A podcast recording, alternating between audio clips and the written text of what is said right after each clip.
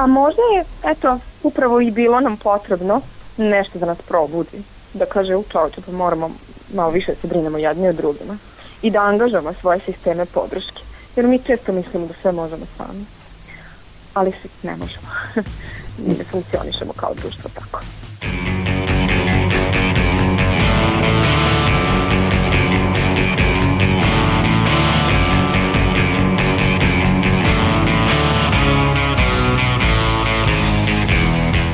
Slušate novo izdanje podcasta Reaguj, nezavisnog društva novinara Vojvodine. Podcast koji vam donosi priče o solidarnosti i životu ljudi za vreme vanrednog stanja. Mi smo Aleksandra Bučko, Sanja Đorđević i Iva Gajić. Ubrzo nakon proglašenja vanrednog stanja širom Srbije pojavile su se akcije solidarnosti – Bilo da su to aplauzi podrške, koncerti sa balkona, opraštanje kirija od strane stanodavaca ili pak pomoć penzionerima u nabavci namirnica ili šetnji kućnih ljubimaca, svakako predstavljaju humanost sugrađana i želju da se pomogne najugroženijima. U ovoj epizodi podcasta Reaguju govorit ćemo o volonterima i podršci građanima u vanrednom stanju. Mnogo smo čuli kako volonteri pomažu starijima koji su od početka vanrednog stanja u kućnoj izolaciji, ali malo se zna da njih podržavaju i oni koji su do sada pre svega bili uz one kojima je kontinuirana podrška bitna, pored mentalno nedovoljno razvijenih osoba. Tako se udruženju Plava ptica, koje se bavi podrškom mentalno nedovoljno razvijenim osobama iz Kule, posao potpuno promenio. Većina radnika udruženja je počela da radi u takozvanim call centrima gde pružaju pomoć sugrađanima iz opštine Kula, od primanja poručbina za kupovinu, raznošenja istih, pa sve do davanja informacija koje su građanima potrebne. Ivana Zazuljak-Papuga je defektološkinja koja objašnjava da svi koji su radili u dnevnom boravku i na individualnim tretmanima sada obavljaju drugi posao, prilagođen novonastaloj situaciji i potrebama većine sugrađana. Naša profesija uopšte je takva da, mislim, pomagačka profesija, jel da, pomažemo u svakom slučaju, samo što smo do sad e, bili usmereni na mentalno nedovoljno razvijene osobe ili na decu u slučaju razvojnog savjetovališta, a ovde smo sad usmereni na, na starije sugrađane ili uopšte na, na, na populaciju kojoj su potrebne neke informacije sad u ovim vanrednim situacijama. Uglavnom postoji poseban call centar za psihološku podršku osobama koje su same ili koje su sad u izolaciji ali imamo i mi poziva ljudi koji su jednostavno samo imaju potrebu sa nekim da pričaju, nazovu nas svakodnevno samo da bi se jednostavno ispričali, jednostavno sada su sami, nemaju kome da se obrate, znaju da da ćemo se mi uvek javiti da će od nas čuti neku lepu reč. Meni je drago što mogu da nastavim da radim i u i ovakvoj situaciji, jeste da se opis posla značajno promenio i što i dalje mogu da pomažem svojim sugrađanima. Kada govorimo o volontiranju, nekako nam prvo padne na pamet Crveni krst. Akcije davanja krvi održavaju se i dalje sa poštrenim higijenskim merama. U Crvenom krstu u Jagodini narodna kuhinja radi i tokom vanrednog stanja. Red se čeka napolju, a rastojanje između ljudi mora da bude najmanje 2 metra. Starijima od 65 godina koji su korisnici narodne kuhinje volonteri hranu nose na kućne adrese. Anđela Nešić, volonterka Crvenog krsta, objašnjava šta je zapravo posao posao volontera tokom vanrednog stanja. Imamo oko 20 aktivnih volontera koji se dnevno smenjuju i dele po ekipama. Ekipa sadrži od 3 do 5 člana. Radimo tako što primamo pozive u call centru gde nam ljudi pričaju šta im treba i koliko im a, treba. A, kasnije volonter iz call centra prosleđuje a, ekipi radni list, odnosno radni nalog i ekipa ide u nabavku proizvoda i nosi na adresu. Te proizvode naravno naplaćuje, ali samo iznos računa, znači usluga volontera se ne naplaćuje uopšte. Ciljna grupa su nam stari od 65 godina, ali naravno pomažemo svima kojima je to potrebno, čak i onima koji ne mogu da izađu zato što već imaju neke hronične bolesti bolesti ili druga oboljenja i onda prosto su izloženi svakodnevnom riziku od razboljevanja virusom. Kako penzioneri imaju pravo da izađu iz svojih kuća i stanova samo jednom nedeljno ujutru između 4 i 7 časova, volonteri raznih organizacija nabavljaju namirnice umesto njih i nose im na kućne adrese. Ali kako oni koji su u kućnoj izolaciji gledaju na ovo? Pitali smo penzionera iz Novog Sada, Đorđa Suše. Pa ste, ja se zdravstveno, zdravstveno se osjećam e, sposobnim, ali E, pošto je znači uveden policijski takozvani policijski čas znači ja i pored svojih e, mogućnosti i sposobnosti ne svem da izlazim. Utoliko mi volonteri znači što ja imam zabranu napuštanja ovaj samo karantina samo izolacije. Znači sa te strane sa tog aspekta e, stanovišta posmatrano meni su potrebni volonteri Tako, zbog zabrane, znači zbog policijskog časa, ja bi mogao možda da izađem. Ja nisam ja potpuno apsolutno zdrav, ali toliko bi mogao da idem da osnovne elementarne namenice da pribavim sebi, znači da kupim, to bi mogao. Aleksandra Filipović, diplomirana psihološkinja, kaže da se potreba sa solidarnošću i humanošću sama budi u ovakvim situacijama. Ona naglašava da pomaganje drugima zapravo pomaže i nama. Volontiranjem ispunjavamo svoje slobodno vreme, a na taj način i radimo na sebi. I ono što primećujem jeste da um, je dosta mladih sada ustalo kao podrška bez obzira na to kakva je situacija, da li financijska, da li situacija sa poslom, znači sada o tome ne pričamo, nego smo svesni koliko je sada važno biti solidaran i svesni smo zašto. Jer kada dođete do ovakve situacije vanredne i kada su u pitanju životi, onda se to bude. A možda je, eto, upravo i bilo nam potrebno nešto da nas probudi. Da kaže, u čovječe, pa moramo malo više da se brinemo jedni od drugima. I da angažamo svoje sisteme podrške. Jer mi često mislimo da sve možemo sami. Ali se ne možemo.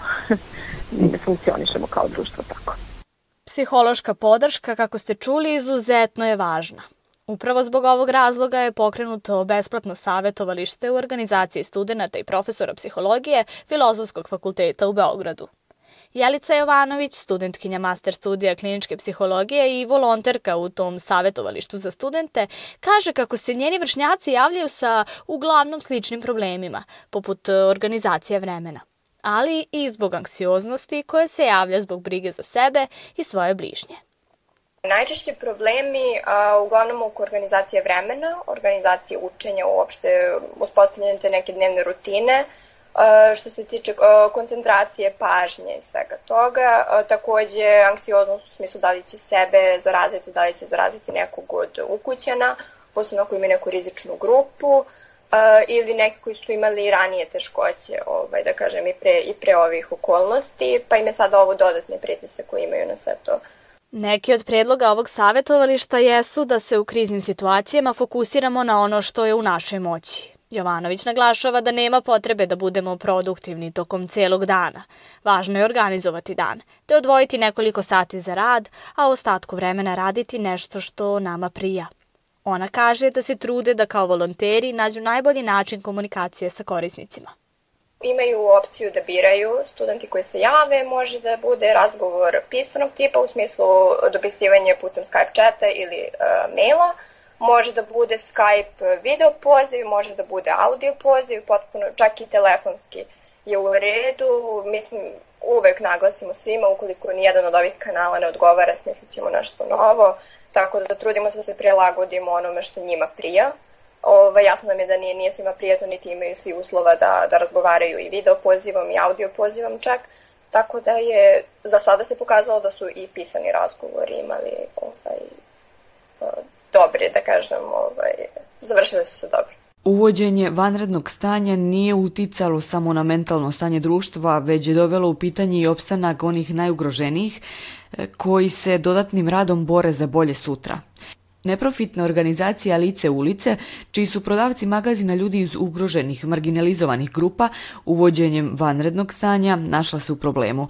Kako je glavno mesto rada prodavaca zapravo ulica, ograničenjem kretanja prodaja magazina više nije bila moguća.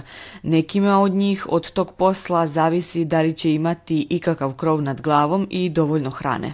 Koordinatorka programa Lice ulice Nikoleta Kosovac objašnjava kako su morali da nađu način da preguraju naredni period, da se ljudi koji su uspeli da se sklone sa ulice ili da naprave bilo kakav veliki korak u svom životu ne bi vratili pet koraka unazad pokrenuli smo kampanju za podršku e, njima, ja mislim da je to bilo bukvalno dan ili dva nakon što je uvedeno vanredno stanje. E, pozvali smo sve ljude koji nas prate e, da nas podrže na različite načine, bilo da uplate neku donaciju, da se pretplate na redovnih 10 izdanja. Uveli smo i interventnu PDF pretplatu, kako, kako smo to nazvali dakle, ljudi su mogli da se, odnosno mogu i dalje da se pretplate e, na bilo koje od prethodnih 60 e, izdanja. I imamo takođe i još jedan vid interventne pretplate, to je na samo četiri broja, jer postoji mnogo ljudi koji prosto ne žele da se pretplaćuju na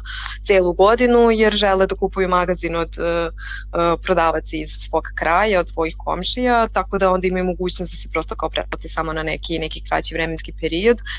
I to je stvarno, stvarno krenulo u nekom super pravcu. Uh, mislim, mi smo svi onako do, do, dosta bili um, emotivni, bo, mislim, ja sam čak i plakala prvih nekoliko dana od, od, od količine solidarnosti koja dolazila sa različitih strana. Uh, ljudi su se javljali uh, što, što iz Beograda i Novog Sada uh, gde, gde imamo prodavce, ali isto tako iz drugih gradova širom Srbije, pa čak uh, i, i dijaspore. Zadružena akcija Krov nad glavom jeste kolektiv koji se bori protiv protiv prinudnog iseljenja, odnosno kako kažu, osnovni princip za koji se zalažu jeste da je pravo na dom fundamentalno ljudsko pravo. Za vreme vanrednog stanja njihove akcije su usmerene ka onima koji su na ulici bez skloništa, objašnjava Ivan Nedadić, deo kolektiva Krov nad glavom. Naglašava da je absurdno insistirati da se ostane kod kuće, a ne brinuti se o najugroženijim građanima koji žive na ulicama. Trenutno a, uglavnom znači, pomažemo beskućnicima koji su prepušteni a, sebi a, i ugroženim porodicama koje nam se svakodnevno javljaju kako bukvalno nemaju šta da jedu i mi pokušavamo da apelujemo na naše sugrađane da da uplate neke donacije kako bi im pomogli. Znači, to su ljudi koji su uglavnom dosta njih je radilo nešto na crno, skupljalo sekundarne sirovine, neki od njih su imaju preko 65 godina, a i dalje rade, tako da ne mogu da izađu napolje, da prijave ta neka sredstva za život. Tako da smo i mi jedina nada trenutno. I za kraj našeg današnjeg podcasta jedna poruka. Čuvajte se i vodite računa o vašoj zajednici. Slušali ste Reaguj, podcast nezavisnog društva novinara Vojvodine u kom smo govorili o značaju solidarnosti i radu sa zajednicom u vanrednom stanju. Na ovom podcastu sa nama su radile i kolege Irena Čučković i Nemanja Stevanović. Da biste bili obavešteni o našim najnovijim epizodama, prijavite se na naše kanale na iTunesu, Stitcheru, Castboxu, Google podcastima, kao i na sajtu podcast.rs. Ocenite naše sadržaje i naravno pišite nam ukoliko imate neki komentar ili sugestiju. Naša mail adresa je podcast.ndnv.org. Nezavisno društvo novinara Vojvodine možete naći na Facebooku, Instagramu i Twitteru. Ukoliko želite da nas podržite, to možete učiniti na sajtu donations.ndnv.org. A do sledećeg slušanja, ostanite kod kuće.